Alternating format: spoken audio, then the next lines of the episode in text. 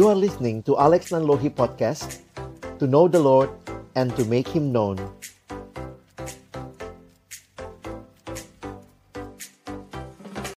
Shalom teman-teman sekalian, mari berdoa sebelum kita membaca merenungkan firman Tuhan. Bapa Surgawi, terima kasih banyak kesempatan yang Tuhan berikan bagi kami bersekutu hari ini dan kami bersama-sama akan belajar akan kebenaran firman-Mu juga setiap wawasan yang kami rindukan boleh menjadi bagian dari kehidupan kami. Berkatilah setiap kami ketika sebentar kami akan belajar bersama. Tuhan menolong agar kami akhirnya bukan hanya jadi pendengar-pendengar firman yang setia, tapi mampukan dengan kuasa pertolongan dari rohmu yang kudus, kami dimampukan menjadi pelaku-pelaku firman-Mu di dalam hidup kami, di dalam masa muda kami. Bersabdalah ya Tuhan, kami anak-anakmu sedia mendengarnya dalam satu nama yang kudus, nama yang berkuasa, nama Tuhan kami Yesus Kristus, kami menyerahkan pemberitaan firman-Mu. Amin.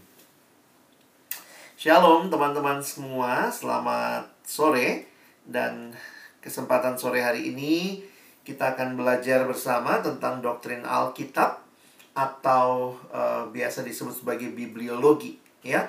Nah, saya ingin mengajak kita di awal dari pertemuan kita nanti ada waktu juga buat tanya jawab kalau bicara firman Tuhan, ya, coba teman-teman pikir sebentar. Apa gambaran tentang firman Tuhan yang ada di benakmu?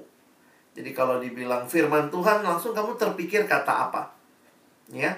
Nah, coba dalam waktu 1-2 menit ini, apa saja yang terpikir? Kalau dengar kata firman Tuhan, Alkitab, apa yang terpikir di benakmu silakan tolong tulis di kolom chat ya ini bukan cerdas cermat ya apa saja yang kalau dengar kata Alkitab apa yang kebayang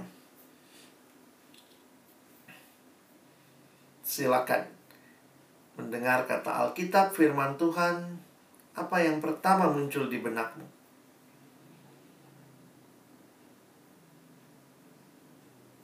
saya tunggu ya Silahkan. Yesus. Sosok Yesus. Kristen. Sejarah. Wih, ada Nikolas Saputra. Welcome, Nikolas. ya. Kristen. Sejarah. Nubuat. Hmm. Kalian rohani banget semua ya. Ada lagi? Apa yang muncul di benakmu kalau dengar kata firman Tuhan, Alkitab, nubuatan, tulisan rapat-rapat, ya. Yeah. Kalau saya langsung yang muncul tebal gitu ya. Buku. Oke. Okay. Baik, ada lagi? Silakan kalau masih ada.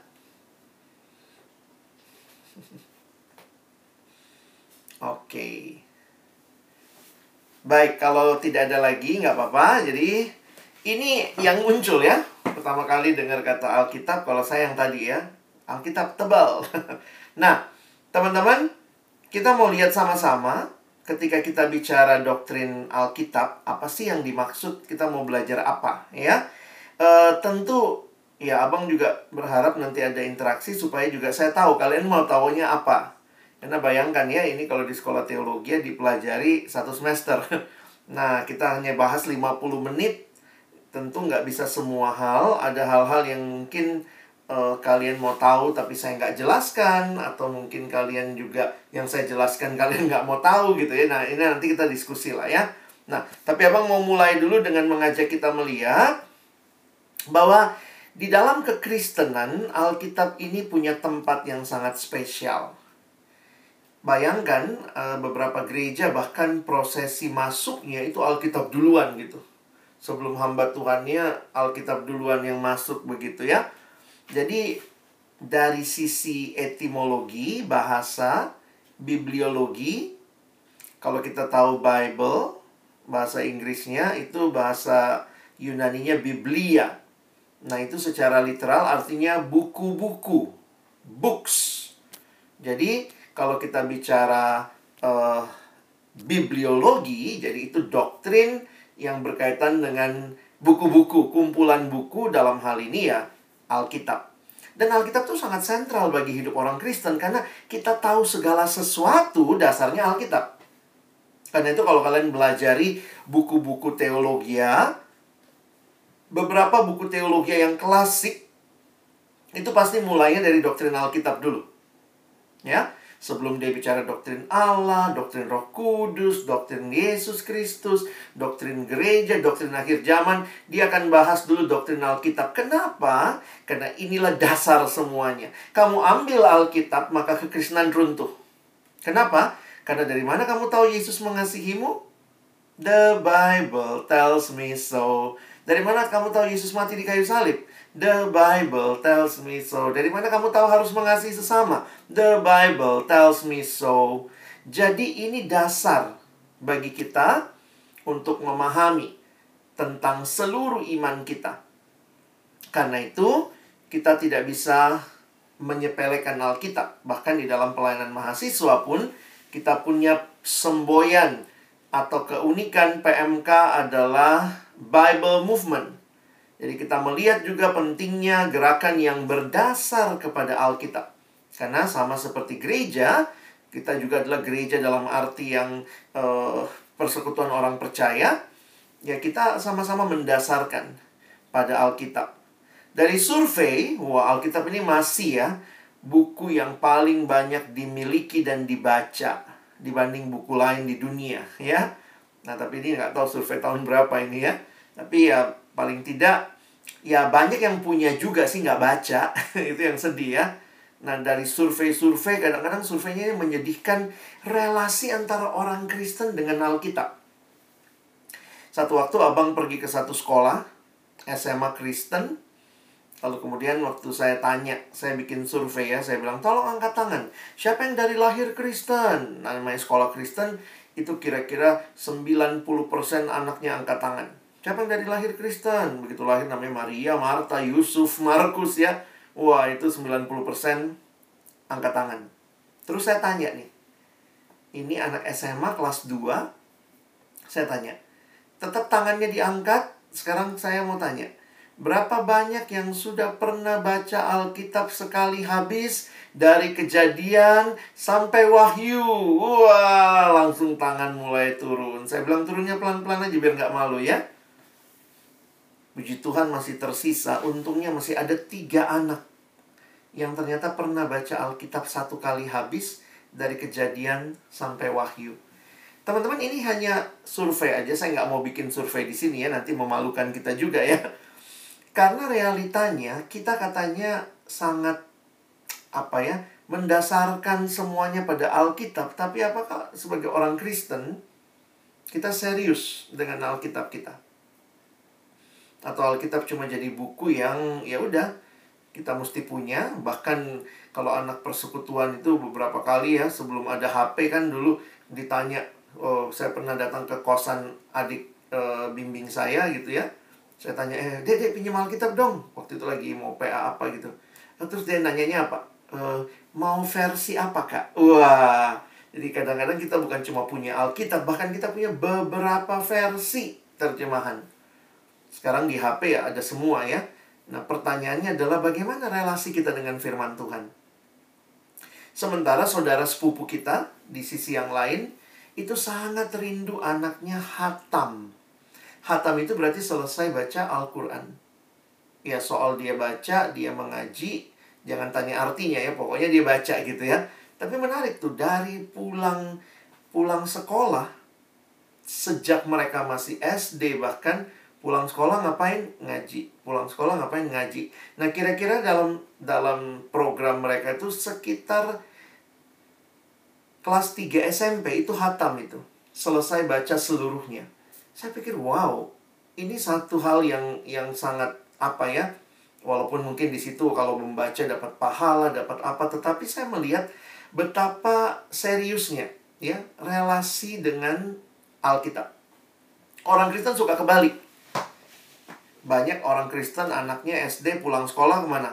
Les ya, pulang SMP ke mana? Les gitu ya. Jadi bukannya baca Alkitab. Bahkan ada orang tua-orang tua tertentu yang nggak suka anaknya baca Alkitab. Jangan kau terlalu banyak baca Alkitab, bibelon kau ya. Jadi ada lagi yang bilang, jangan kau banyak-banyak baca Alkitab, nanti gila kau.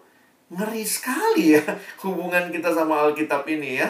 Nah, jadi saya ingin mengajak kita untuk menyadari bahwa Alkitab bukan bukanlah buku yang yang mengerikan dan kita di gereja diangkat, di rumah punya lebih dari satu Alkitab cetak, tapi serius nggak kita sama Alkitab kita? Ya, jadi akhirnya kita perlu untuk menyadari akan hal ini ya. Oke, saya nggak masuk ke banyak ayat hari ini karena saya pikir uh, ini wawasan yang saya berikan. Nanti kita lihat beberapa ayat saja. Nah, ini sebentar saya kasih beberapa data. Makalahnya uh, apa slide saya cukup panjang tapi ya nggak usah kita bahas semua ya. Nah, teman-teman lihat ini data 2012. Jadi sebenarnya di dunia juga ya ada upaya terus menerjemahkan Alkitab. Jadi data 2012 yang punya akses kepada Alkitab, nah itu terbatas juga nggak semua orang ya. Makanya Alkitab secara utuh sudah diterjemahkan ke dalam 518 bahasa. Tetapi kadang ada yang hanya bisa menerjemahkan perjanjian barunya, atau dari Alkitab hanya beberapa buku, misalnya Mazmur dan Matius misalnya gitu ya. Nah, jadi uh, ini kira-kira data di mana masih banyak loh orang belum punya Alkitab. Harusnya buat kita yang sudah punya akses kepada Alkitab, kita bisa baca Alkitab dalam bahasa kita sendiri, harusnya kita serius ya. Sehingga kalimat yang menarik sebenarnya begini, kita bilang, wih banyak kali orang nggak baca Alkitab ya, belum punya Alkitab ya, baru sedikit orang yang diakses dengan Alkitab. Tapi perhatikan kalimat ini. Orang yang punya Alkitab tetapi tidak membacanya sama dengan orang yang tidak punya Alkitab. Jadi saya takut ini yang jadi realita kita, ya. Nah, mari kita sekarang melihat beberapa istilah. Mungkin abang angkat empat istilah ya. Empat istilah berkaitan dengan Alkitab. Nanti beberapa ada di slide, beberapa saya jelaskan saja. Karena e, nanti materinya abang bisa kasih dalam bentuk e, dokumen ya. Teman-teman, istilah pertama adalah istilah wahyu. Wah, ini bukan nama orang Jawa ya. Wahyu atau diterjemahkan sebenarnya dari bahasa Inggris revelation. Revelation itu terjemahan Indonesia-nya pakai kata wahyu atau dipakai kata lain penyataan. Perhatikan kalimatnya. Bukan pernyataan, bukan. Kalau pernyataan itu namanya statement. Tetapi ini penyataan. Jadi sesuatu yang dinyatakan. Nah, kita perlu belajar mengenal istilah pertama ini adalah wahyu. Nah, sekarang abang tanya ya. Kalian bisa lihat saya kan ya. Coba tebak. Coba kira-kira tebak. Ada apa di kantong saya? Saya ada kantong nih ya. Coba tebak, ada apa di kantong abang? Silakan coba ketik kira-kira kalian nebaknya apa nih? Apa yang ada di kantong Abang gitu ya? Silakan. Apa kira-kira yang ada di kantong saya? Saya nggak pakai virtual background sebentar nanti kau bilang ah abang bercanda aja itu ya karena ada virtual background. Saya matikan dulu virtual background saya. Hmm. Ada apa di kantong saya? Angin. Sapu tangan. Mm -hmm. Apalagi saham Pertamina. Wis, hebat. Sapu tangan. Duit. Wih, tipis sekali duitku ya. Uang, Bang. Dompet. Ih, lebih gila lagi kalau bilang dompet ya. Dikit kali uang abangmu ini ya. Ayo, apa yang kira-kira ada di kantong saya? Nggak ada isinya. ada, ada. Saya nggak mau bohong-bohong ya. Nah, teman-teman, perhatikan begini. Kalian tidak pernah tahu persisnya apa sampai sampai saya kasih tahu. Ya, surat tanah. tanah ini ya, tanah satu ember. Jadi kalian tidak pernah tahu ini apa sampai saya kasih tahu sama kamu. Jadi, Waktu saya kasih tahu sama kamu, itu namanya penyataan. Itu wahyu. Saya jadi sebenarnya bahasa aslinya itu bicara kayak gini ya. Misalnya ada sesuatu yang tertutup nih. Ada sesuatu yang tadi tertutup, lalu kemudian ini dinyatakan, penyataan, disingkapkan. Jadi memang kalau istilah wahyu di bahasa Indonesia tuh kita kayaknya kalau dengar wahyu langsung uh serem-serem gitu ya. Tapi kata aslinya wahyu itu berarti sesuatu yang tadinya tertutup lalu disingkapkan, dinyatakan. Jadi kalian tidak pernah tahu sampai saya kasih tahu nih. Abang kasih tahu ya, lihat ya. Di kantong saya ada ada buku saku. Sedih ya, ini buku Allah memberi, Allah mengambil. Ini renungan untuk orang meninggal ya. Nah, ada buku saku. Jadi kalian baru tahu kalau saya kasih tahu. Nah, sekarang perhatikan. Ketika kita bicara tentang kekristenan, kita itu bukan cukup pintar, mikir-mikir Allah kayak apa, Allah kayak apa, lalu kemudian kita mencapai Allah. Tidak. Kekristenan berkata, bahwa Allah lah yang berinisiatif menyatakan dirinya. Jadi, teman-teman mesti memahami kekristenan bukannya kita yang per, yang tahu tentang Allah dari nalar kita, dari pikiran kita tidak. Tetapi Allah yang menyatakan dirinya kepada kita. Nah, jadi Allah yang mewahyukan dirinya kepada kita. Allah yang menyatakan dirinya kepada kita. Makanya kita perlu kenal istilah ini ya. Istilah penyataan, ya. Allah menyatakan. Nah, teman-teman, di dalam dunia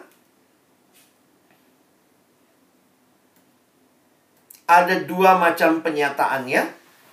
Ini kalau nanti bisa baca ayatnya dasarnya Mazmur 19, tidak ada seorang pun dapat mengenal Tuhan jika dia, jika Tuhan tidak menyatakan dirinya kepada kita. Nah, Tuhan menyatakan dirinya atau mewahyukan dirinya, mereveal, revelation melalui dua. Ya, kita mengenal ada yang namanya wahyu umum melalui ciptaan dan melalui wahyu khusus yaitu firman. Nah, perhatikan Wahyu umum yang pertama, Tuhan menyatakan diri dalam alam semesta. Maksudnya apa? Nah ini ada di Roma 1 ya. Saya nggak baca ayat-ayatnya, kalian bisa lihat ya. Allah menyatakan di dalam karyanya sejak dunia diciptakan. Jadi jangan heran kalau orang lihat gunung besar atau kalian pergi ke pantai gitu ya. Langsung tuh kayak ada perasaan, wow, ada Tuhan nih. Ada penciptanya kamu punya HP, ada yang cipta, maka alam ini juga pasti ada yang cipta. Ya, itu kesadaran itu muncul. Jadi, teman-teman, wahyu umum membuat kita sadar ini. Jadi Allah menyatakan diri, lihat alam, wow, ini pasti ada penciptanya. Lalu kita bisa lihat Allah menyatakan diri juga di dalam, nah ini dalam sejarah bangsa-bangsa. Contohnya apa? Kalau bicara sejarah bangsa-bangsa, kalau kalian lihat gini, ada raja yang naik, tiba-tiba dia turun. Kita biasanya bilang, wow, Tuhan menaikkan raja. Tuhan menurunkan ketika turun Soeharto itu ya, semua langsung bilang, ini tangan Tuhan bekerja. Jadi manusia tuh bisa ingat Tuhan kalau lihat alam, kalau lihat sejarah bangsa-bangsa, dan ini juga bisa hati nurani bukan Kak Nurani ya, tapi hati nurani. Ketika engkau melakukan sesuatu, ada suara hati. Hati nurani. Kenapa? Karena Alkitab bilang begini. Sebenarnya isi hukum Taurat ada tertulis dalam hati mereka. Jadi, ketika Paulus berargumen di kitab Roma, kan ada yang bilang begini, gimana Tuhan menghakimi orang itu? Jadi kita tuh dihakimi kalau kita punya hukumnya. Sementara mereka nggak punya hukumnya. Jadi kira-kira muncul pertanyaan dalam jemaat, bagaimana orang yang tidak pernah tahu itu dosa, kalau dia nggak pernah punya hukum, kalau Israel kan punya hukum, hukum Taurat, jangan membunuh. Loh, dia nggak pernah punya hukum itu. Harusnya, kalau mau adil, kalau Tuhan adil, dia hukum berdasarkan hukum. Misalnya Tuhan bilang gini, saya sudah bilang jangan membunuh. Kau sudah baca, tapi kau masih membunuh. Nah, Tuhan hakimi kan? Lalu kemudian jemaat nanya. Nah, ini pertanyaan dalam benak mereka. Loh, Kalau mereka nggak punya hukum, kalau dia punya hukum, oke, okay, dituntut berdasarkan hukum yang dia tahu.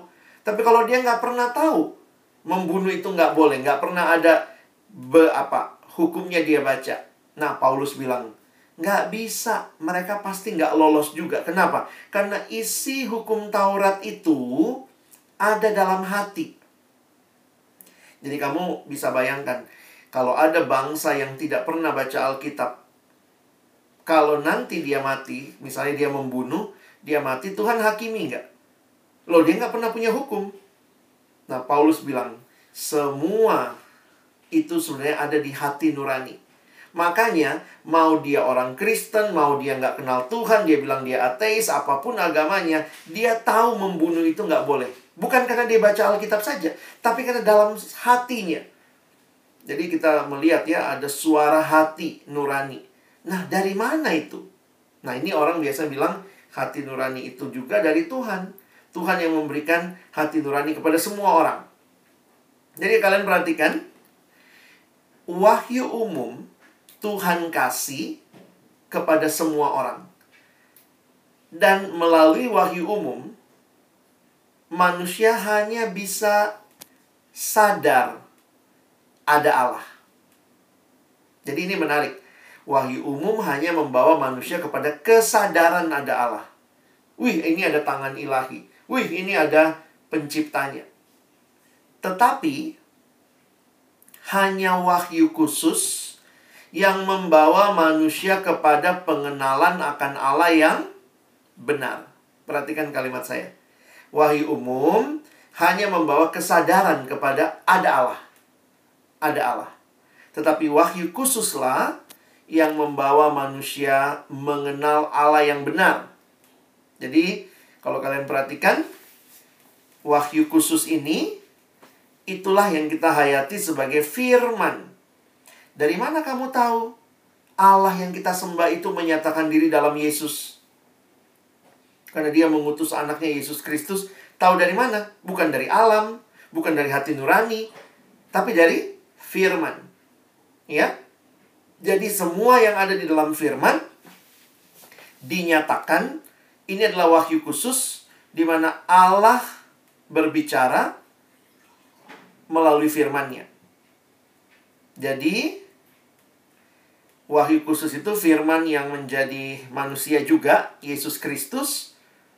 Jadi kita meli kita terima sebenarnya wahyu khusus itu biasanya disebut begini, wahyu khusus yaitu firman Allah dalam bentuk tertulis Alkitab dalam bentuk daging Yesus Kristus, ya.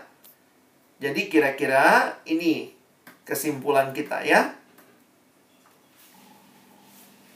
Allah menyatakan diri dalam dua macam wahyu. Wahyu umum, alam semesta, sejarah bangsa-bangsa dan hati nurani. Dan di dalam wahyu khusus, yaitu firman yang dituliskan di dalam Alkitab dan wahyu khusus yang berbentuk dalam arti Yesus ya, firman yang menjadi manusia dalam Tuhan Yesus Kristus. Jadi kalau sekarang Abang tanya, apa itu firman Tuhan? Apa itu Alkitab? Maka kita bisa menghayati Alkitab adalah penyataan khusus Allah kepada umatnya. Karena di dalam wahyu umum kita hanya sadar ada Allah. Ya, tetapi di dalam wahyu khusus, kita bisa berelasi dengan Allah. Nah, makanya menarik kita menghayati semua manusia dapat wahyu umum. Tapi hanya orang Kristen, kita, umat Allah, yang diberikan wahyu khusus.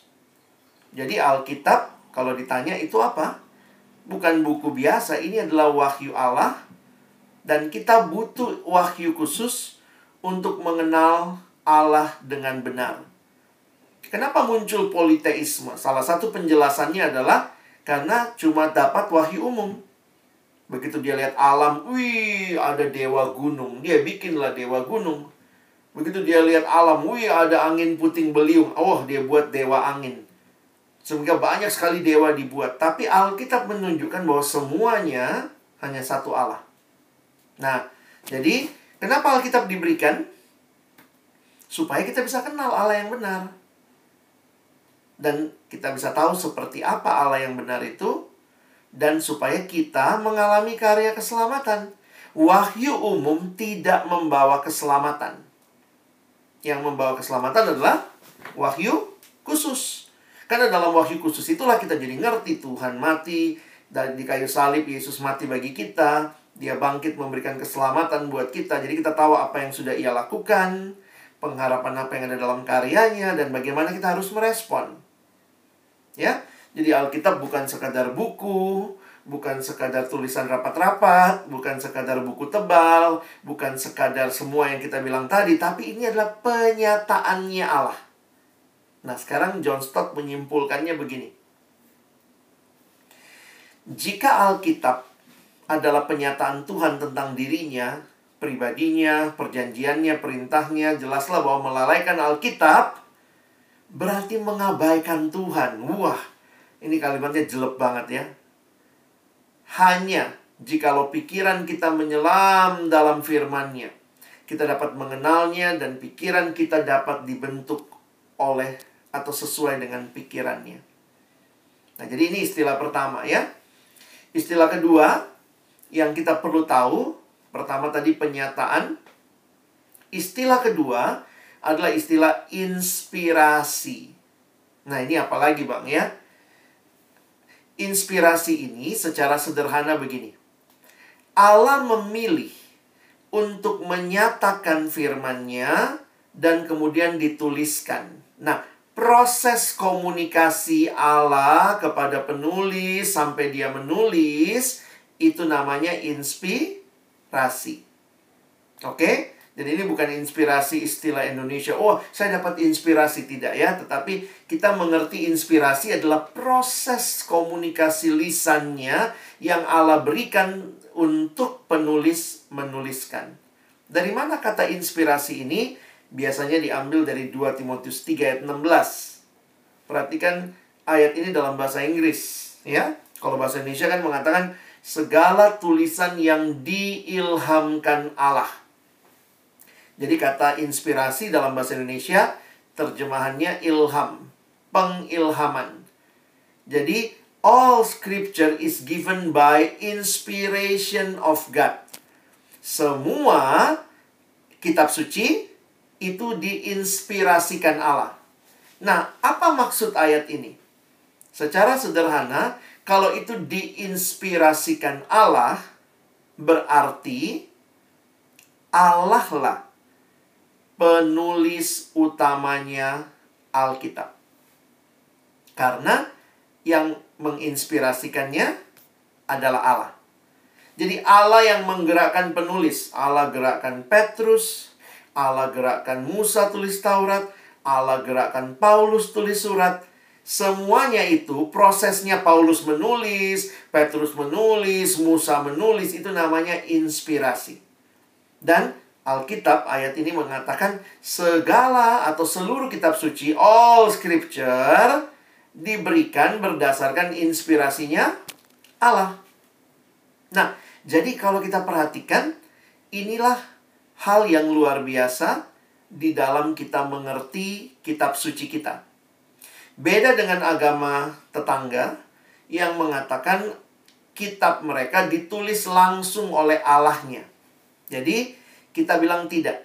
Alkitabnya orang Kristen tidak ditulis langsung oleh Tuhan, tetapi ditulis oleh Tuhan melalui penulis-penulis manusia.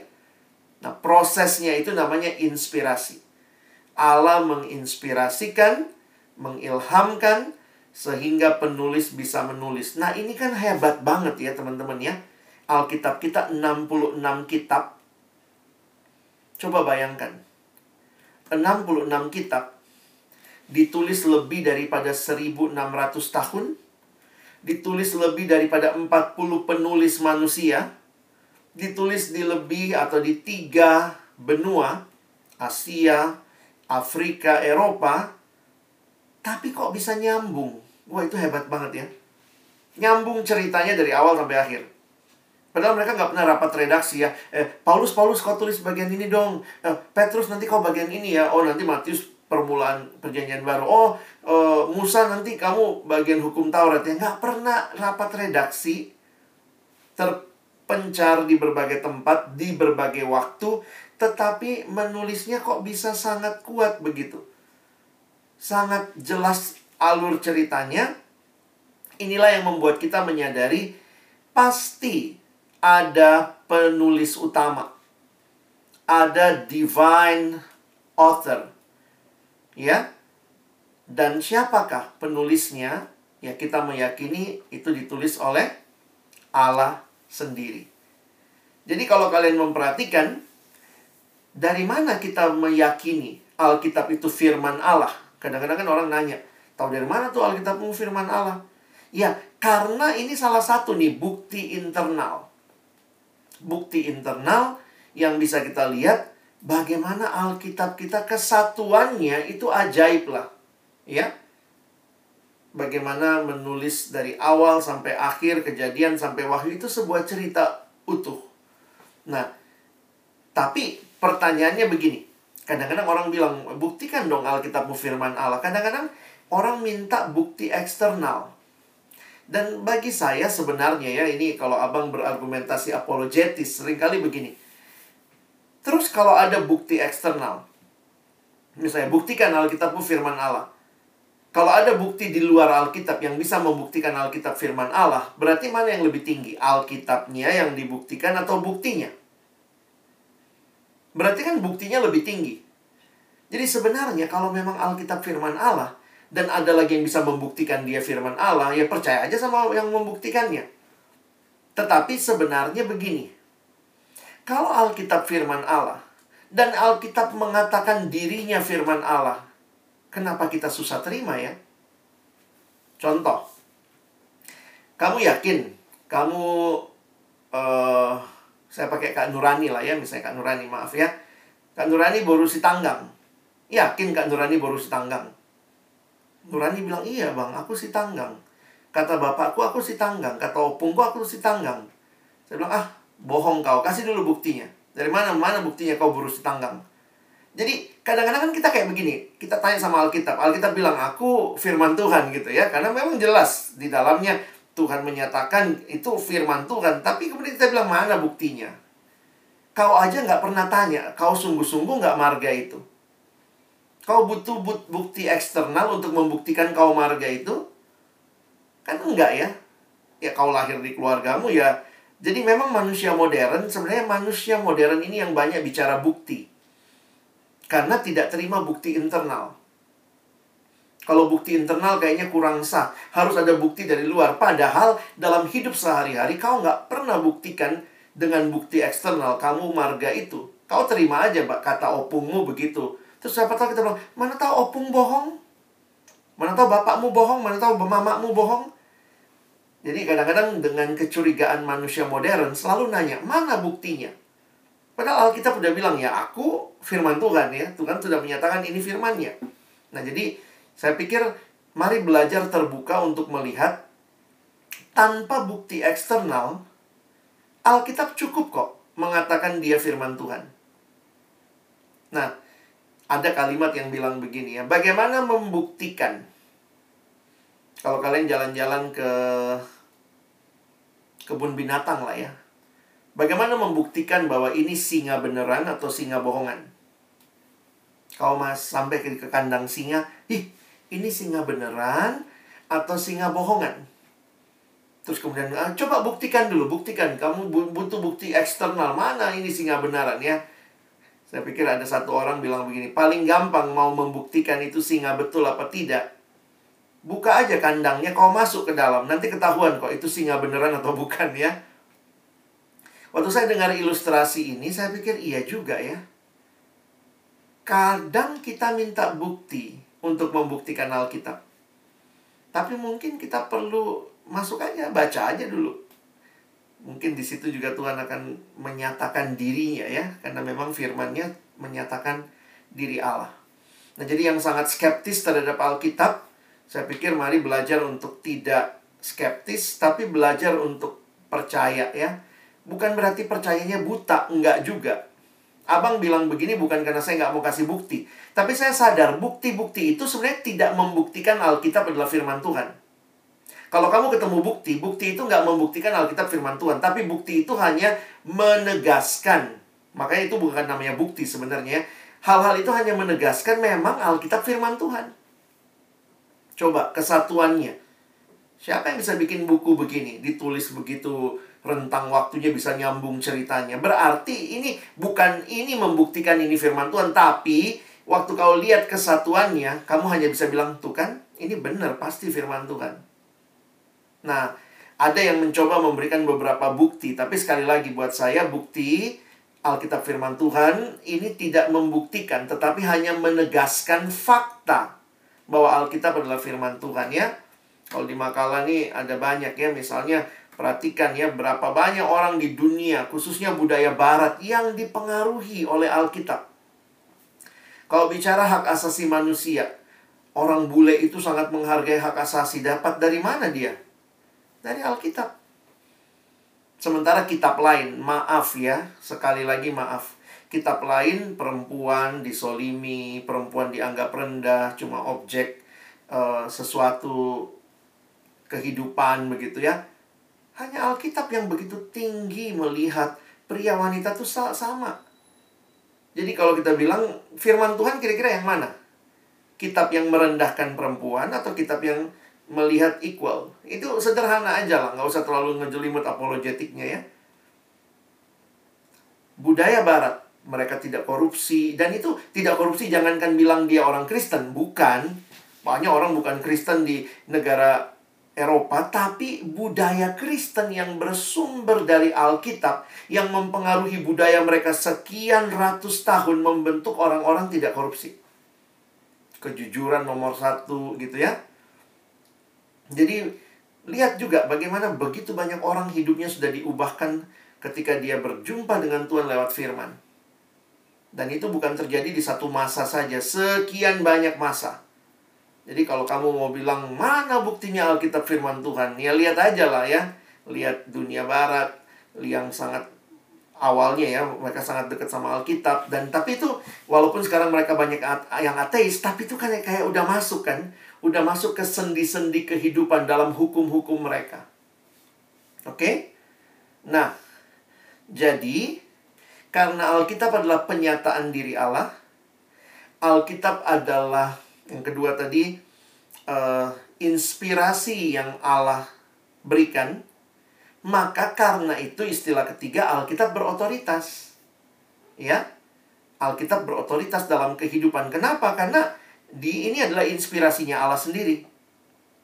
Nah, jadi kita orang Kristen mengakui otoritas Alkitab karena pemahaman ini. Alkitab wahyu khusus, penyataan, Alkitab diinspirasikan Allah, karena itu konsekuensi logisnya yang ketiga, Alkitab itu berotoritas. Makanya di gereja-gereja yang menjunjung tinggi Alkitab yang masuk pertama waktu prosesi Alkitab. Pendetanya mau khotbah diserahkan Alkitab. Dan itulah yang menjadi dasar kehidupan gereja. Mari kita belajar mencintai Alkitab ya. Istilah terakhir, nah ini sedikit sejarah ya. Istilah kanonisasi ya. Abang masuk kanonisasi. Sebentar. Saya tampilkan slide-nya dulu. Jadi kita belajar empat istilah saja ya yang bagi saya saya rasa penting untuk teman-teman pahami hari ini. Apa sih kanonisasi itu? Maka kalau kalian perhatikan Kata kanon itu berarti ukuran, standar. Nah, mungkin banyak yang nanya, gimana Alkitab terbentuk jadi Alkitab kita? Ada perjanjian lamanya, ada perjanjian barunya. Kita tidak bisa tutup mata kekristenan bersumber dari Yahudi. Karena itu, kitab suci Yahudi jadi kitab suci kita. Tapi sekarang kita bilangnya itu perjanjian lama. Karena kita percaya ada perjanjian baru. Nah, mungkin kamu tanya, siapa yang bikin perjanjian baru? Kapan dimasukkan? Tahun berapa Alkitab kita jadi seperti yang kita punya sekarang? Nah, semua pertanyaan itu itu dikaitkan dengan yang namanya kanonisasi, ya. Prosesnya adalah namanya proses kanonisasi untuk mem, me, me, kita melihat kanon Alkitab. Kata kanon sendiri dari bahasa Yunani artinya tongkat pengukur. Nah, biasanya pada waktu itu kalau ada ukuran, nah ada tongkat standarnya. Nah, makanya proses kanonisasi adalah proses seleksi yang dilakukan umat Allah waktu di PL dan juga PB untuk mengenali tulisan-tulisan yang otoritatif sebagai kanon. Makanya kalau kita punya sekarang Alkitab, kanon PL dan PB, tulisan-tulisan yang merupakan kitab suci untuk menjadi patokan dalam menilai benar tidaknya suatu ajaran. Nah, tulisan-tulisan lain di luar perjanjian lama dan perjanjian baru ini bisa jadi tulisan yang membangun kita, bisa aja dibaca ya. Itu dalam sejarah gereja silakan dibaca, tetapi kedudukannya tidak setara dengan perjanjian lama dan perjanjian baru. Kalau kamu tanya, siapa yang bikin perjanjian lama? Kapan dikanonin gitu ya? Nah, kita tidak terlalu banyak tahu perjanjian lama karena begini. Waktu Yesus lahir, Alkitab perjanjian lamanya Yesus waktu itu ya, yang ada di sinagoge gitu ya. Alkitabnya sudah sama dengan Alkitab perjanjian lama kita. Jadi memang kanon perjanjian lama bahkan sebelum Yesus lahir sudah begitu, ya. Memang perbedaannya dengan kita apa? buat kanon perjanjian lama yang Yesus orang Yahudi miliki itu dibagi tiga bagian besar. Jadi urutannya agak beda sama kita. Kalau kanon Kristen, kita urutannya itu berdasarkan ini berdasarkan namanya kronologis.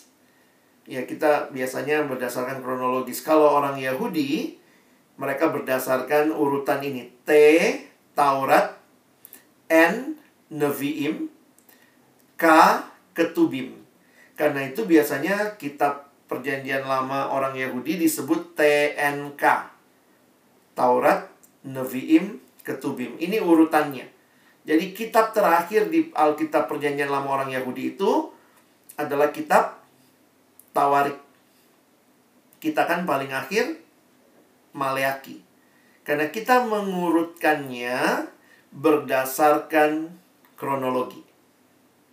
Orang Yahudi mengurutkannya berdasarkan urutan mereka ini. Taurat, Nevi'im, Ketubim disebut sebagai TNK atau mereka tambah kata vokal Tanak. Ya. Jadi makanya perjanjian lama orang Yahudi sering disebut Tanak. Nah, ini kapan dikumpulkan? Siapa yang kumpulkan? Ini semua dikumpulkan oleh orang-orang Yahudi sebelumnya waktu Yesus lahir pun sudah demikian adanya. Dan kenapa kita terima kanon PL? Ya Yesus aja juga lihat kok. Perjanjian lama Yesus menghargai dia buka kitab Nabi Yesaya, Yesus kutip beberapa dari perjanjian lama. Jadi kita tidak banyak mempertanyakan kanon perjanjian lama. Nah, bagaimana dengan kanon perjanjian baru? Jadi setelah Yesus menarik ya, waktu Yesus hidup tuh Yesus nggak nulis buku apa-apa ya, Yesus nggak nulis kitab Yesus nggak ada ya. Nah, lalu kemudian murid-murid Yesus tuh. Jadi tulisan-tulisan rasuli pertama kali muncul sesudah Yesus. Jadi belum ada tuh tulisan-tulisan di bawah tahun 30-an, nggak ada. Kan Yesus sampai umur 30-an kan. Jadi mulai waktu Yesus sudah meninggal, dia mati, dia naik ke surga, maka murid-murid mulai melihat pentingnya ya menuliskan tentang Yesus. Makanya mereka mulai menulis Injil ya. Mereka menulis Injil lalu kemudian tulisan-tulisan itu berkembang. Lalu kemudian yang menarik ternyata tulisan itu juga dibacakan di jemaat-jemaat.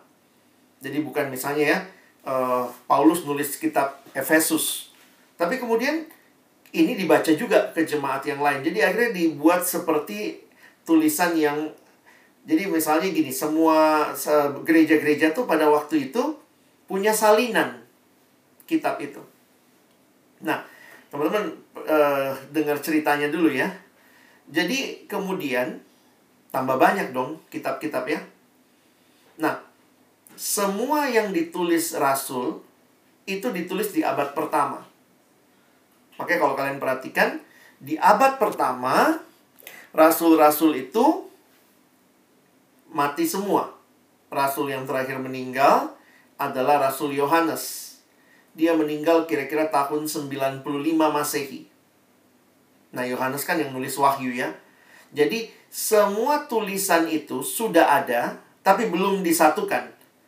Ya, jadi sampai akhir ta abad pertama, tahun seratusan, semua yang nulis itu sudah pada mati ya. Nah, tapi tulisan mereka tuh dibaca.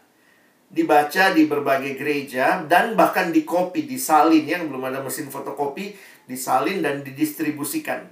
Nah, di abad kedua, tahun 100 lewat, nah memang ada beberapa kitab-kitab yang dibuat sesudah tahun itu. Nah, ini kitab-kitab yang aneh-aneh nih. Kalau kalian pernah dengar Injil Barnabas, Injil Thomas, itu semua tulisan bukan rasul karena berdasarkan tanggalnya waktu diselidiki, kira-kira ditulis justru sesudah para rasul mati.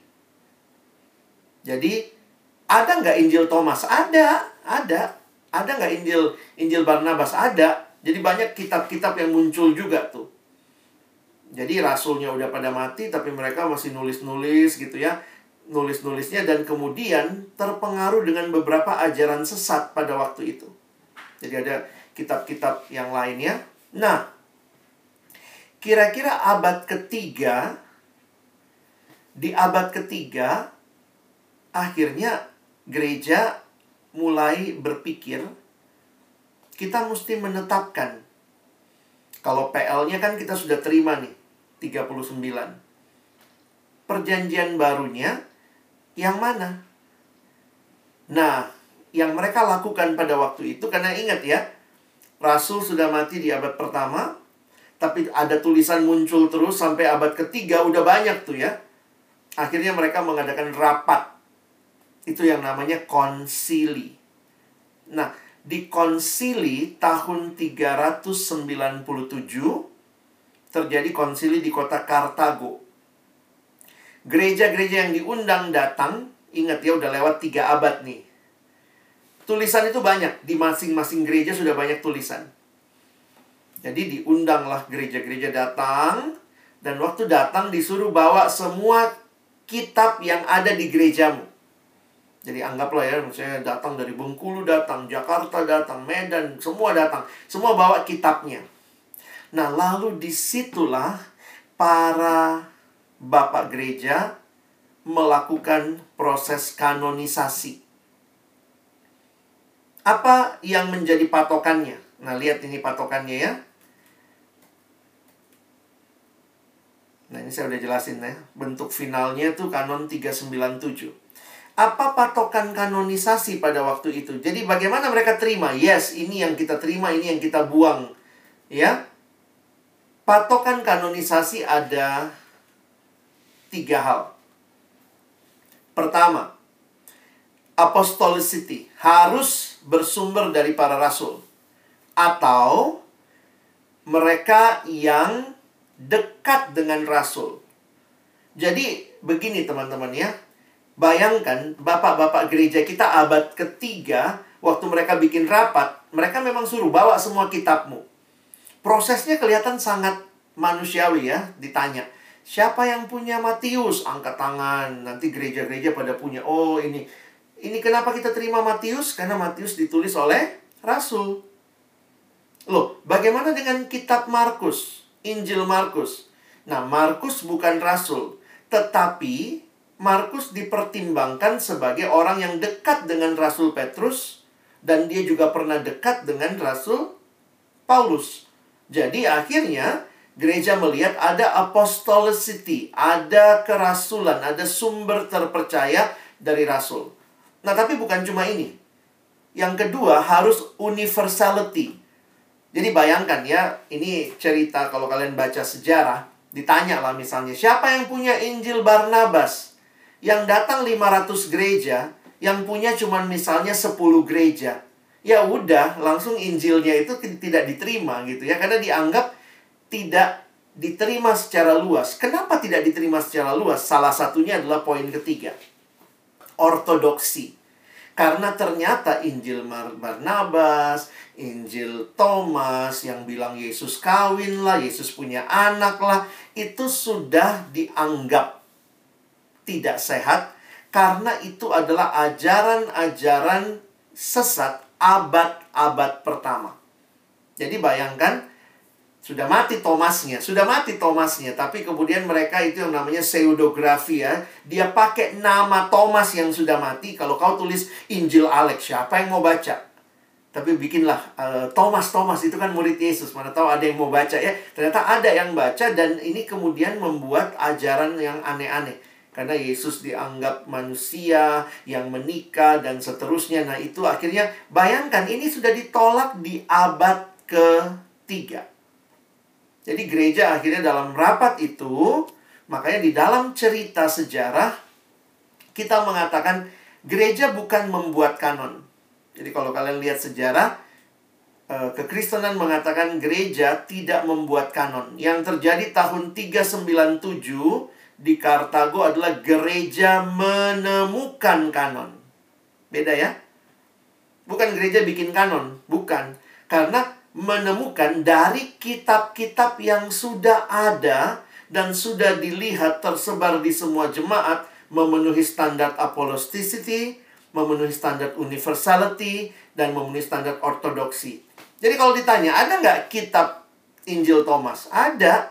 Ada nggak Injil Barnabas? Ada. Tapi itu sudah ditolak di tahun 397. Tapi kenapa nggak dimusnahkan? Yaitu memang dianggap silahkan kalau mau baca. Tapi yang dianggap punya otoritas adalah 29, 39 PL, 27 PB. Totalnya 66 kitab. Nah, jadi kitab-kitab yang lain tetap boleh ada, tetapi jemaat pada waktu itu sudah menolaknya sebagai kanon yang berotoritas. Yang dianggap berotoritas ditetapkan 27 PB 39 PL. Nah, jadi dalam sejarah kalau kita bilang, iya Alkitab kita kok beda ya. Yang satu kan tetangga kita, sepupu kita tuh turun dari langit. Allah yang tulis. Kita sih nggak meyakini seperti itu. Tapi kita meyakini bahwa kalau Allah yang menulis sedih juga ya. Masa Allah cuma bisa bahasa Arab ya. dia cuma tulis bahasa Arab doang enggak sih ya kita bersyukur Alkitab kita silakan diterjemahkan. Kenapa? Karena Tuhan mau semua bangsa mendengar. Tapi harus diingat pertama kali diberikan dalam konteks. Dalam bahasa PL bahasa Ibrani PB bahasa Yunani. Dan ketika gereja menemukan kanon gereja menetapkan apa yang sebenarnya sudah ada di sana. Sehingga semua tulisan perjanjian baru itu semua di bawah tahun 100. Jangan lupa, Yesus naik ke surga tahun 33-an. Semua tulisan yang kita miliki itu tulisan di bawah tahun 100. Berarti itu semua tulisan yang masih kurang lebih 30 tahun setelah Yesus naik ke surga. Jadi, banyak tulisan yang misalnya kalian baca kisah Rasul. Dia tulis saksi mata Bahkan beberapa kali dia bilang, sampai hari ini masih hidup orangnya. Hei, padahal ya, kalau kita baca berarti waktu ditulis kisah Rasul, saksi-saksi itu, beberapa orang yang lihat Yesus secara langsung masih hidup. Jadi, saya melihat Alkitab layak dipercaya. Kelihatannya sangat manusia. Prosesnya sangat sejarah. Tetapi di dalamnya Allah jaga sedemikian dan inilah yang kita miliki sebagai firman Tuhan yang berotoritas dalam hidup kita. Oke, empat istilah ingat. Penyataan, Allah menyatakan dirinya. Inspirasi, penulisnya Allah sendiri menggerakkan penulis manusia untuk menuliskan kisah yang jadi satu buku yang lengkap. Karena ini penyataan Allah yang diinspirasikan Allah, maka istilah ketiga, Alkitab berotoritas. Dan di dalam sejarah kita lihat kanonisasi Tuhan pimpin. Sehingga kita memiliki 66 kitab hari ini. Pertanyaannya, kita baca nggak ya? Inilah firman Tuhan yang harusnya kita cintai, kita baca, kita renungkan, kita lakukan, dan bahkan kita bagikan. Selamat mencintai firman Tuhan. Silakan waktu selanjutnya kita boleh tanya jawab.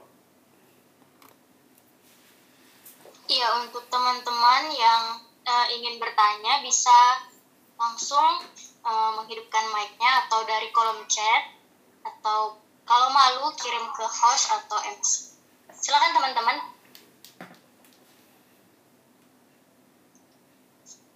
Sambil nunggu teman-teman, mungkin aku ada pertanyaan nih bang. Silakan Lisbeth. Uh,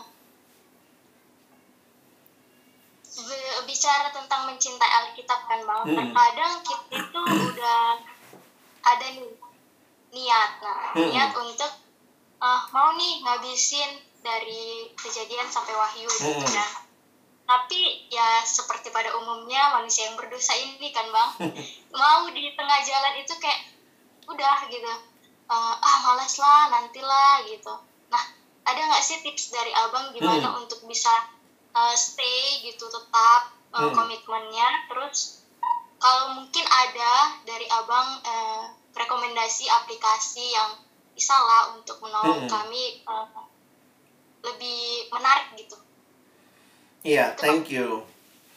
Sebenarnya saya pribadi dalam perjalanan iman juga, saya tidak terlalu saklek dengan harus baca from cover to cover. Dalam arti dari kejadian sampai wahyu. Karena memang kita sadar betul ada juga saat-saatnya khususnya kalau udah masuk kitab imamat gitu. Alama ini kerbau lah, sapi lah, siapa pun itu gitu ya. Ini nggak ada hubungannya kesannya sama kita. Nah, tapi poin saya adalah kalau kalian mungkin agak bosenan orangnya, coba bahas belajar bacanya per kitab. Jadi misalnya tetapkan aja gitu ya. Karena kan logikanya kalau kita baca satu hari tiga pasal, satu tahun kita selesai baca seluruh Alkitab. Atau kalau kalian mau balik nggak apa-apa juga. Bacanya sehari satu pasal, berarti tiga tahun baru selesai. Ya, Nah, jadi misalnya bulan ini saya fokus habiskan Matius misalnya bulan depan jadi kita juga nggak baca Alkitab untuk dikejar-kejar saya sudah satu kali saya sudah dua kali baca poinnya abang adalah nikmati belajar baca ya baca dari dari satu buku per satu buku itu bisa menolong kalau mau agak lebih teratur dan termasuk bisa merenungkan dengan dalam pakailah bahan santapan rohani eh sorry santapan harian kalau kalian mau pakai santapan harian, itu online ada, cetaknya ada. Santapan harian, kalau kalian, dia modelnya tidak baca satu pasal. Jadi dia pecah-pecah lagi, supaya kita bacanya nggak kebanyakan dan dia saat teduhkan. Nah, jadi kalau kalian saat teduh pakai bahan santapan harian, kalian akan selesai baca seluruh Alkitab, sudah mensaat teduhkan seluruh Alkitab, 8 tahun. Nah, saya dulu pernah ikut program itu. Jadi saya ya nggak apa-apa, nggak mesti baca setahun selesai ya. Tapi poinnya karena saya mau sambil mensaat teduhkan. Nah, sekarang yang bagus juga, masuklah ke YouVersion. Coba download aplikasi YouVersion Bible.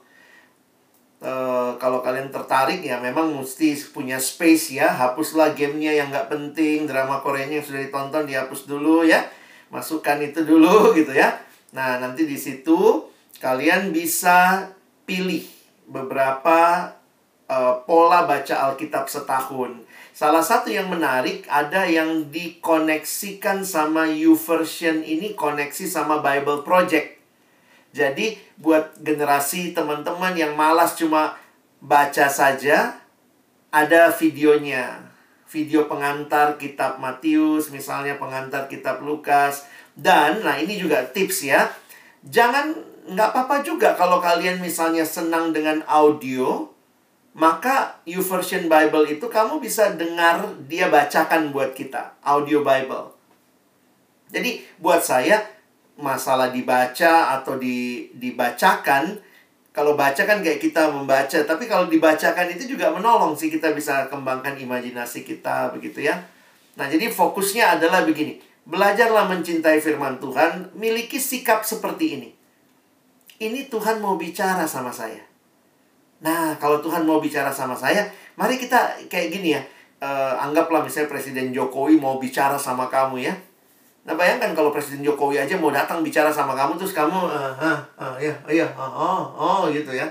Saya pikir mari eh, Pak mau bicara apa Pak? Apa yang saya perlu tahu Pak? Pak saya dengar Pak, saya catat nih Pak. Ayo apa? Bapak mau ngomong apa? Ini yang mau ketemu kita tiap hari itu penciptanya Jokowi loh. Pencipta alam semesta, penciptanya Jokowi mau ketemu kamu dan saya tiap hari. Miliki sikap hati, Tuhan, aku mau dengar Tuhan. Aku mau catat, apa sih Tuhan pesanmu buatku hari ini? Sehingga tentu ya, saya membedakan antara Bible reading ya kalau kita baca dari awal sampai akhir itu atau kita baca per kitab itu kan namanya Bible reading. Saya membedakan sama saat teduh ya. Jadi tetap saat teduh, kembangkan Bible reading yang baik. Kalau mau satu kali ya bisa aja saat teduhmu adalah Bible readingmu, bisa begitu juga. Tapi miliki sikap hati bahwa ini bukan sekedar baca buku supaya Uh, kalau orang nanya, siapa yang sudah pernah baca? Oh saya, sombong lah. Puji diri, puji diri, haleluya. Saya sudah baca. Tapi saya makin ngerti Tuhan mau apa dalam hidup saya. Mungkin itu ya. YouVersion Bible, coba download ya. Oke bang, thank you bang. Sama-sama. Uh, teman-teman ada yang mau bertanya? teman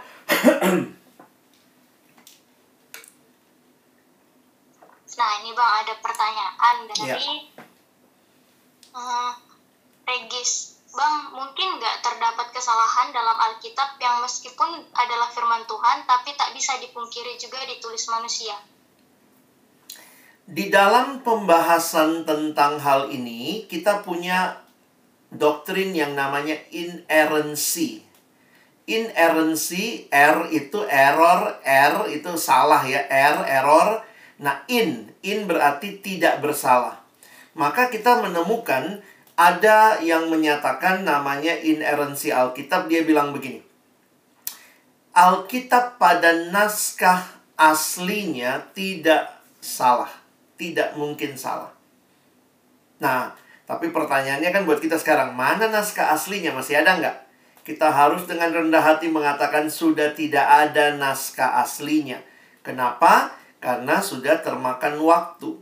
Tetapi menariknya, komunitas kitab suci itu betul-betul menyalin dengan sangat-sangat-sangat-sangat teliti. Kalau kalian lihat, sebenarnya gini ya, kau kenal Socrates, kau pernah dengar tentang Plato, dari mana kamu tahu ada Socrates, ada Plato? Karena pernah ada tulisan-tulisan dari masa lalu tentang Socrates dan Plato. Ditemukan itu ada dokumen-dokumen yang menuliskan tentang mereka. Teman-teman pernah bayangkan dokumen yang tulis tentang Socrates dan Plato itu tidak sampai tidak sampai 100 dokumen. Sementara yang menuliskan atau salinan Alkitab di dalam sejarah ditemukan itu ribuan. Kalau kalian mau tahu, waktu saya studi saya sempat mengunjungi itu disimpan di museum uh, London di Inggris ya. Itu salah satu museum yang menyimpan naskah-naskah Alkitab juga dan juga tersebar di beberapa museum yang lain. Jadi, teman-teman bisa memahami begini. Mungkinkah ada kesalahan karena tidak ada lagi naskah aslinya? kita juga dengan rendah hati harus mengatakan mungkin. Tetapi, kesalahannya kesalahan apa? Kesalahan transmisi, kesalahan waktu ngopi. Nah, waktu saya mengkopinya, misalnya ya, uh, Yahudi itu tidak ada huruf hidupnya. Orang Yahudi itu nggak ada huruf hidupnya. Nah, coba kalian lihat yang saya tulis di yang saya tulis di kolom chat. Kalau misalnya kamu lihat kan orang Yahudi nggak ada huruf hidupnya ya. Semua huruf mati. YHWH, Yahweh. Jadi huruf hidupnya itu ditambahkan Yahweh, YHWH. Ada juga yang bilang ditam jadi Yehova, bisa begitu juga. Nah, kalau ketemu kata seperti ini, ini kambing, ini kumbang, ini kembang, ini apa? Bingung kan? Nah, ada kemungkinan di dalam transmisi terjadi kesalahan. Cuma kesalahannya bukan kesalahan doktrin. Bukan. Jadi bukan begini. Uh, juru selamat, oh salah namanya bukan Yesus. Enggak. Itu kesalahannya minor sekali. Cuman kayak begini, ini kembang, kumbang, atau kambing. Ya. Kalaupun itu lanjut, nah sekarang begini. Kenapa biasanya kamu ketemu dua Alkitab, lalu ada catatan kakinya, ini beda terjemahan sama yang satu? Karena mungkin yang satu melihat naskah yang lebih tua, yang satu mungkin dapat naskah yang lebih baru. Nah, itu terjadi perbedaan, tapi ingat, perbedaan-perbedaan itu minor kok. Cuman kayak misalnya, uh, nah ini mungkin konsep kita tentang kitab suci ya. Kitab suci itu nggak boleh salah. Jujur ya teman-teman ya, kalau mau bicara salah-salahan, lebih banyak nggak masuk akalnya kitab sebelah itu ceritanya nggak sinkron banget lah. Alkitab kita tuh masih bisa ditelusuri bahkan. Jadi misalnya gini, KMBG. Ini apa? Kambing kumbang kembang atau apa? Itu kemudian para ahli mesti meneliti. Misalnya lihat konteksnya. Berada di taman. Bisa kembang, bisa kumbang. Sehingga beberapa terjemahan yang bertanggung jawab mengatakan ayat ini bisa kembang, bisa kumbang. Tapi itu sekali lagi hanya keterangan-keterangan sederhana, bukan berkaitan dengan doktrin. Misalnya keselamatan, bukan Yesus yang menyelamatkan, enggak.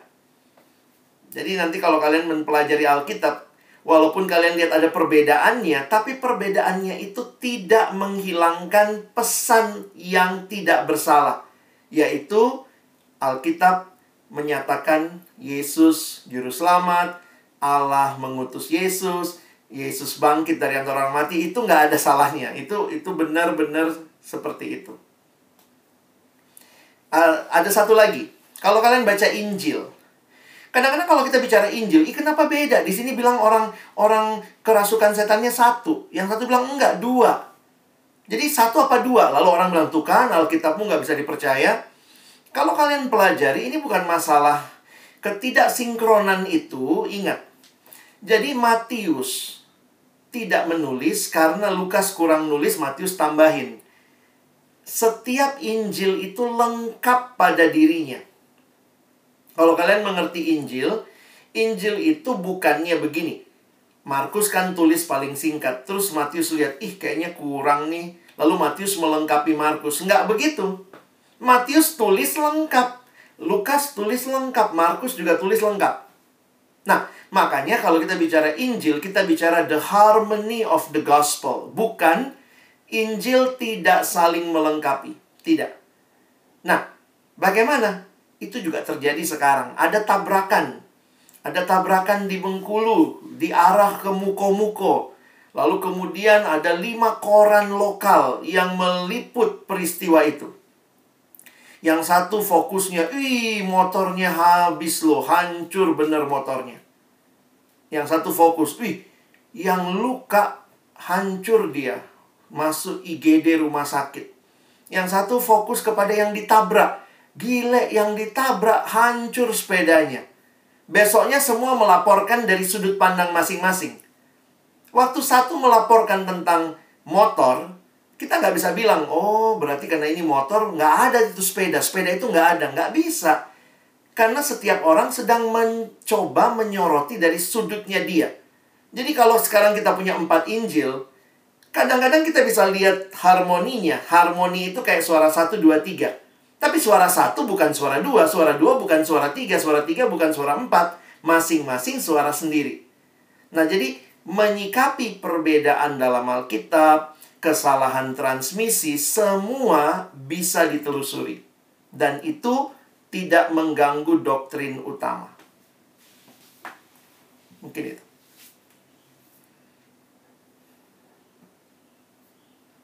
Oke, mungkin itu ya, Gis, penjelasan dari Bang Alex. Untuk teman-teman yang lain, mungkin ada yang ingin bertanya lagi, silahkan. Bisa langsung hidupkan mic-nya atau dari uh, room chat. Silakan teman-teman.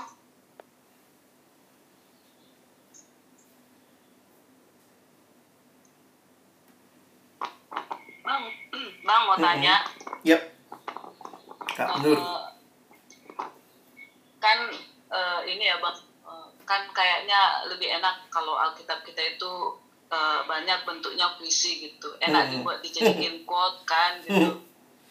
Tapi kenyataannya Alkitab kita itu isinya malah banyak sejarah yang eh, apa isinya itu susah untuk dipahami dan dimaknai gitu. Mm-mm, karena mm-mm. terlalu lokal gitu Eh, apa eh, ya segala macam bentuk budaya Yahudi dan di zaman manusia-manusia zaman dulu itu gitu Mm-mm. ada di situ jadi kita sulit untuk ngerti dan memaknai untuk apa sih ini ditulis Mm-mm. So, misalnya soal ini kan uh, Betseba dan eh, Daud, Daud. juga ya buat apa gitu terus eh, Yeremia yang frustasi juga itu buat apa terus eh, ya banyak kisah-kisah yang rasanya itu nggak relevan gitu di zaman Mm-mm. sekarang dan nggak bisa dijadiin quote gitu bang. Eh, Oke. itu kira-kira kenapa bang kenapa Iya. kebanyakan isinya itu eh, sejarah sejarah begitulah bang Hmm. Nah, ini memang hebatnya Tuhan ya. Hebatnya Tuhan kita berkomunikasi bukanlah di dalam kevakuman. Saya mikir-mikir juga gitu ya, kenapa Tuhan mesti pakai budaya orang Yahudi masa itu gitu. Kenapa nggak Tuhan bikin tulisan yang kayaknya tanpa batas waktu? Bahkan kalau tadi Kak Nur bilang kayak puisi, banyakin puisinya. Puisi pun juga semua sangat terbatas waktu. Kata-kata yang dipilih. Teman-teman sadar apa tidak? Kata-kata itu berkembang per 10 tahun loh. Jadi kadang-kadang kalau keluar terjemahan Alkitab baru, jangan kau bilang, wih Alkitabnya diubah. Enggak. Itu menyesuaikan dengan perkembangan bahasa. Sekarang kan kayak kita bingung juga. Ada lagi bahasa unggah, unduh, apalah semua itu itu nggak ada 10 tahun yang lalu nggak ada. Jadi nanti kalau kita lihat ada perkembangan bahasa, bahkan puisi pun juga sangat kontekstual, ya sangat terba, terba- ter- terikat waktu. Jadi saya pikir Tuhan kita tuh Tuhan yang benar-benar berjalan di antara manusia. Tuhan bukan jadi Tuhan yang tiba-tiba di masa tertentu dia jadi jadi aneh, nggak pernah komunikasi. Nah, memang yang menarik adalah Tuhan berkomunikasi dalam sebuah konteks sejarah, tetapi kita meyakini pesannya kekal. Makanya Paulus bisa lihat dengan lebih tepat ya. Saya baca Roma 15 ayat 4. Paulus bilang begini. Sebab segala sesuatu yang ditulis dahulu telah ditulis untuk menjadi pelajaran bagi kita. Supaya kita teguh berpegang pada pengharapan oleh ketekunan dan penghiburan dari kitab suci. Jadi pertanyaannya gimana ini menghibur kita? Harusnya kan begitu kata Paulus ya. Nah, di sinilah saya pikir kita perlu bukan hanya membaca, tetapi juga kita menggalinya, kita benar-benar bisa mendalaminya. Jadi kayak Tuhan kasih kita PR gitu ya, PR untuk eh, ayo belajar mengerti konteks gitu ya. Bagi saya itu adalah sesuatu yang ketika misalnya Mazmur 119 bilang ya, ketika aku menggali atau aku me- menemukan kebenaran itu, mataku berbinar-binar. Nah, saya pikir Tuhan izinkan kita melalui proses itu. Apakah Tuhan lagi iseng? Ya, harusnya enggak sih ya. Karena Tuhan tahu ketika engkau menggalinya, engkau menemukan kebenaran, itu jadi cara Tuhan meneguhkan kita. Nah, kadang kalau saya pikir gitu, kalau demikian, eh, berarti ada caranya dong, ya harus ada caranya. Di masa saya kecil, teman-teman, kalian tahu Rinso lah ya. Dulu ada iklan tuh. Ya, dulu kuat banget karena Rinso satu-satunya, lalu kemudian ini ya, Rinso mencuci sendiri. Lalu kemudian adalah bikin jokes, jokes zaman dulu ya.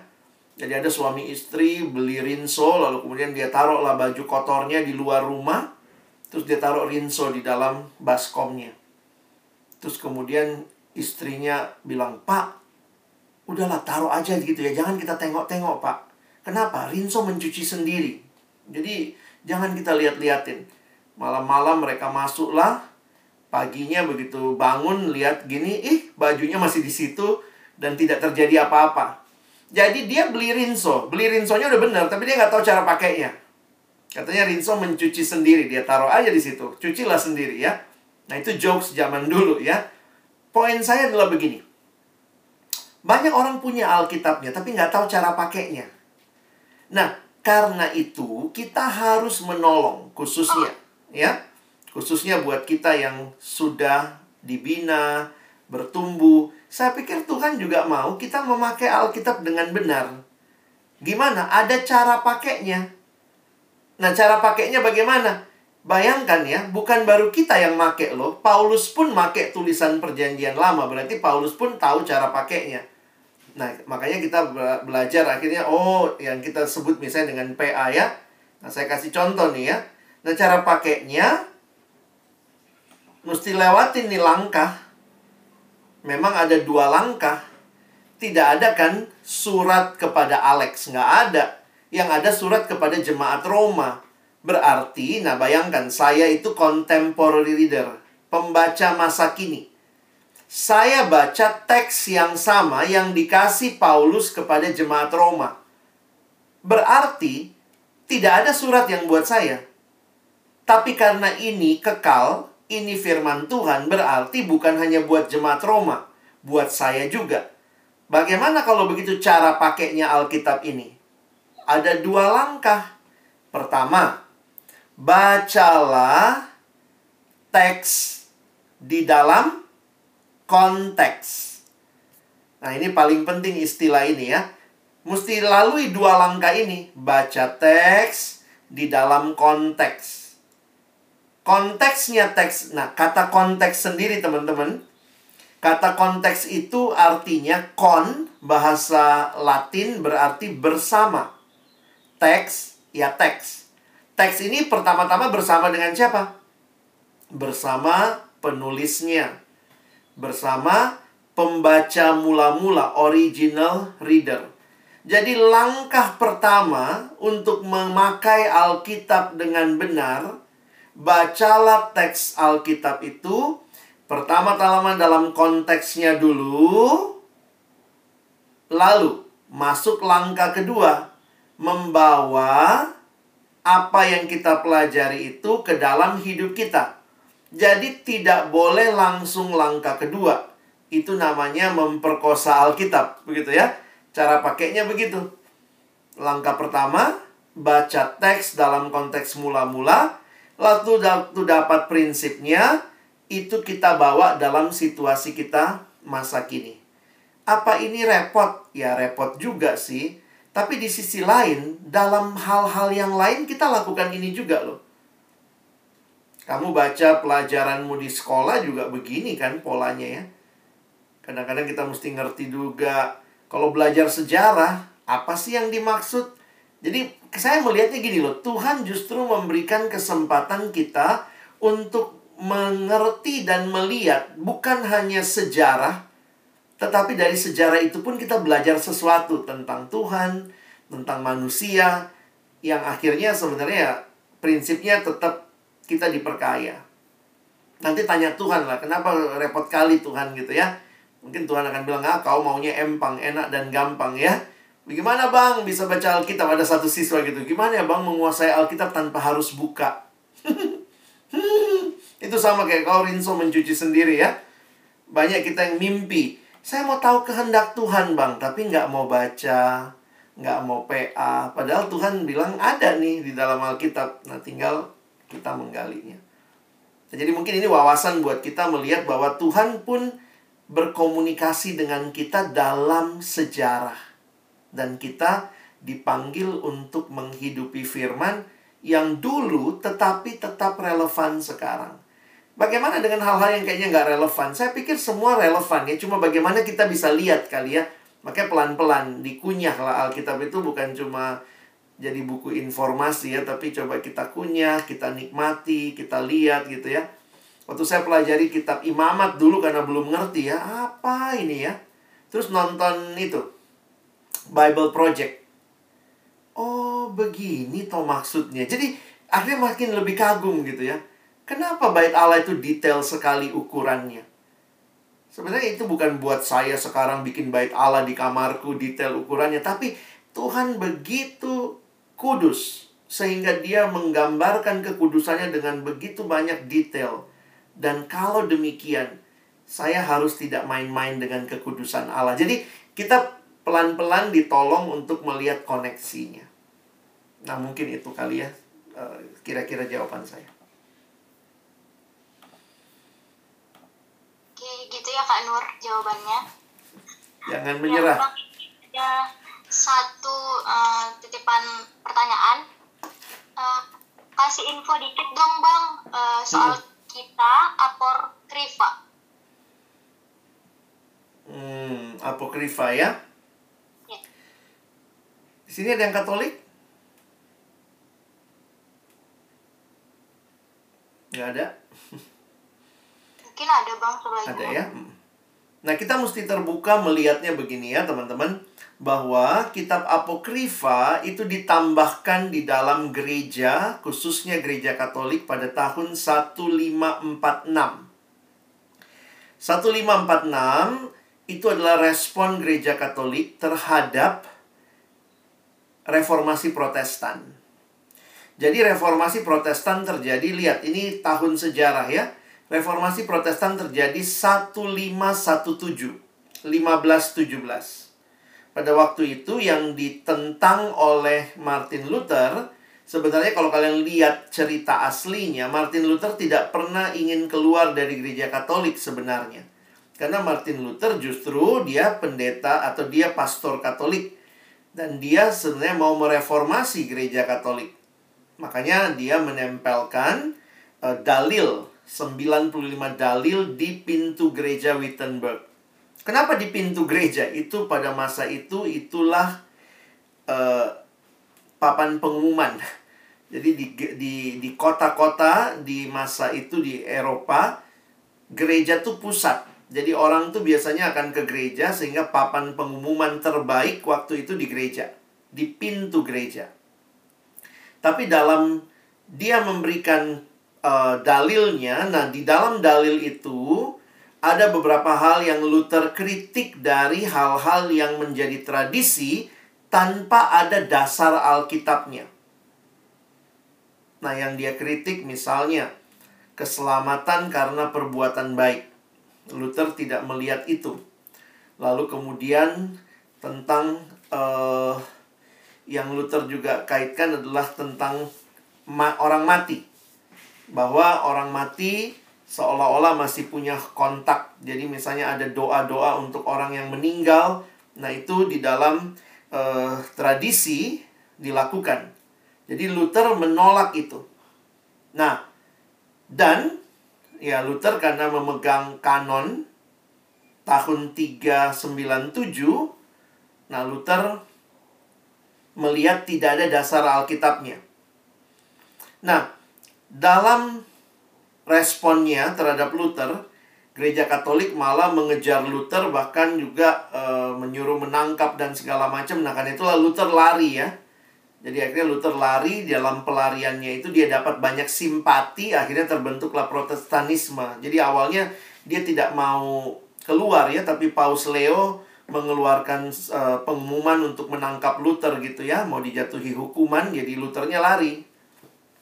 Nah, di dalam respon gereja Katolik terhadap reformasi, maka tahun 1546 gereja Katolik berkumpul di melakukan konsili. Konsili yang dihadiri gereja Katolik di Trente, ya.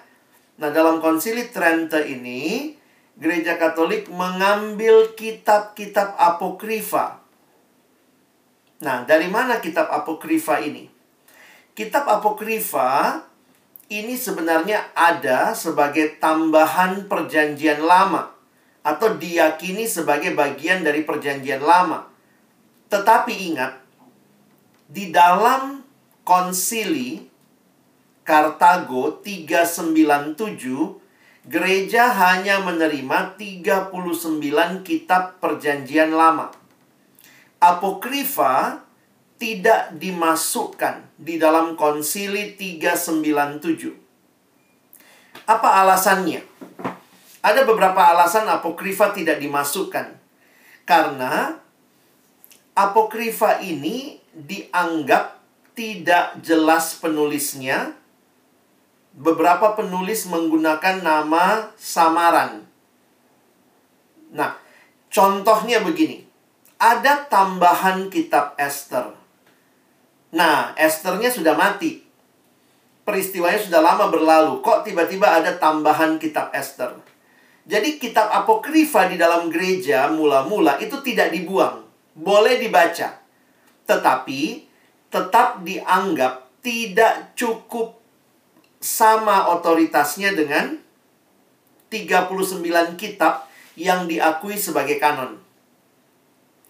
Nah, ternyata kitab-kitab apokrifa ini kalau nanti kalian pelajari ya, ada beberapa kisah peperangan, ada beberapa kisah tentang orang yang mati, lalu kemudian ada tentang api penyucian, hal-hal yang menjadi penekanan gereja Katolik pada masa itu.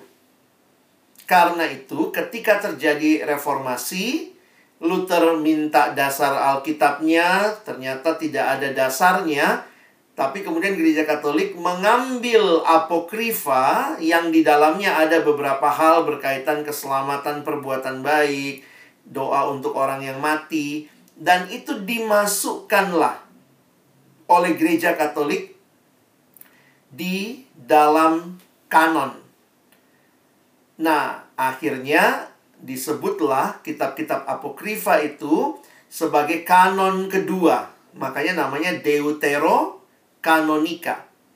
Dan tempatnya di mana? Karena ini dianggap bagian dari perjanjian lama, maka dia ditaruh di tengah antara perjanjian lama dan perjanjian baru. Nah, jadi Gereja Katolik sampai hari ini menerima Deuterokanonika, kanon kedua. Kenapa gereja Protestan tidak menerima? Karena gereja Protestan memegang keyakinan kanon hanya kanon Kartago 397 yaitu 39 kitab perjanjian lama dan 27 kitab perjanjian baru. Nah, jadi kalau ditanya apokrifa di dalam gereja ada dan akhirnya dijadikan kanon tahun 1546. Tapi itu tidak ada di kanon pertama. Makanya ditambahkan dengan nama Deuterokanonika. Boleh boleh dibaca, bagi saya boleh dibaca, tetapi tidak punya level otoritas yang sama. Karena itu, di dalam gereja Protestan kita tidak melakukan ya. Ini kalau kita terbuka sama perbedaan, gereja Protestan tidak melakukan misa orang mati, orang meninggal gitu ya. Kita nggak ada mendoakan orang yang sudah meninggal. Kenapa? Karena kita tidak memegang kitab-kitab yang dipegang kemudian karena kita pegang yang awal yang disepakati bersama hanya 39 ada beberapa ciri kan uh, apokrifa yang menarik ya nanti kalau kalian perhatikan itu kisah-kisahnya banyak peperangan. Nah, kenapa? Nanti dari sejarah penulisan apokrifa itu ada masa di mana mereka dianiaya oleh Yunani yang bernama Antiochus Epiphanes. Jadi kalau kalian lihat di masa tertentu orang Yahudi di bawah pemerintahan Antiochus Epiphanes pada waktu itu, itulah penderitaan yang paling mengerikan yang dialami orang Yahudi. Nah, di masa itu muncullah tulisan-tulisan apokrifa. Jadi isinya adalah peperangan yang menang nanti adalah yang di yang Allah yang berpihak pada Allah, Allah akan membalas. Nah, tapi kan banyak yang mati tuh dalam masa-masa itu. Nah, tulisan-tulisan itu kayak menghibur yang mati ini mereka bersama Tuhan ya kita tinggal berdoa nanti mereka nah itu yang dipakai jadi dasar misalnya ada komunikasi sama orang yang sudah meninggal termasuk yang Paus Leo lakukan ketika dia mau mengumpulkan uang sebenarnya untuk membangun katedral Makanya dia jual surat pengampunan dosa. Nah, Luther menentang itu. Luther bilang nggak ada dasarnya. Karena dia kalau itu waktu itu slogannya begitu persembahanmu berdenting di sana, satu jiwa di sana diselamatkan. Lucu, ada keselamatan setelah kematian. Nah, makanya Protestan menolak ya. Nah, ternyata dalam tulisan-tulisan apokrifa ada indikasi itu bahwa ada komunikasi dan ya itu yang membuat kita masih pegang kanon pertama. Ya mungkin sejarah singkatnya begitu kalian bisa baca di literatur sih ya. Tapi kira-kira begitu. Oke bang, thank you bang. Mm -hmm. Mungkin teman uh, cukup sekian. Oke. Okay. Uh, bang. Kita tutup dalam doa ya. Bapak Surgawi, terima kasih kami belajar dari firman-Mu, dari setiap wawasan, dari sejarah yang membuat kami pun akhirnya menyadari sungguh Tuhan, firman-Mu itulah kebenaran yang menuntun kehidupan kami. Kami berdoa, Tuhan tolong kami yang sudah belajar tentang bibliologi hari ini makin diteguhkan, makin mencintai firman-Mu makin rindu mengenal Engkau ya Tuhan. Dan akhirnya hidup kami diubahkan dan kami pun boleh membagikan firman bagi orang-orang yang ada di sekitar kami. Biarlah setiap kebenaran kembali memerdekakan hati kami dan kami boleh benar-benar menikmati apa artinya hidup sebagai anak-anak Tuhan. Berkati teman-temanku mungkin dalam perjuangan praktis bagaimana bisa bersatu dengan rutin, bagaimana berjuang juga untuk menggali firman-Mu, bagaimana berjuang untuk mengalahkan kemalasan kami, bagaimana berjuang untuk Bible reading, bagaimana berjuang untuk Bible study setiap minggu. Tuhan berikan kami keseriusan, kerinduan untuk terbuka di hadapan-Mu. Dan kami berdoa, Kiranya ini menjadi bagian kehidupan kami, perjalanan iman kami, semakin bertumbuh di dalam pengenalan akan Tuhan. Seperti lagu yang kami naikkan tadi, kami rindu mengenalmu dan makin mengenalmu. Inilah doa kami, ucapan syukur kami, kami menutup sesi ini dalam nama Yesus kami berdoa. Amin.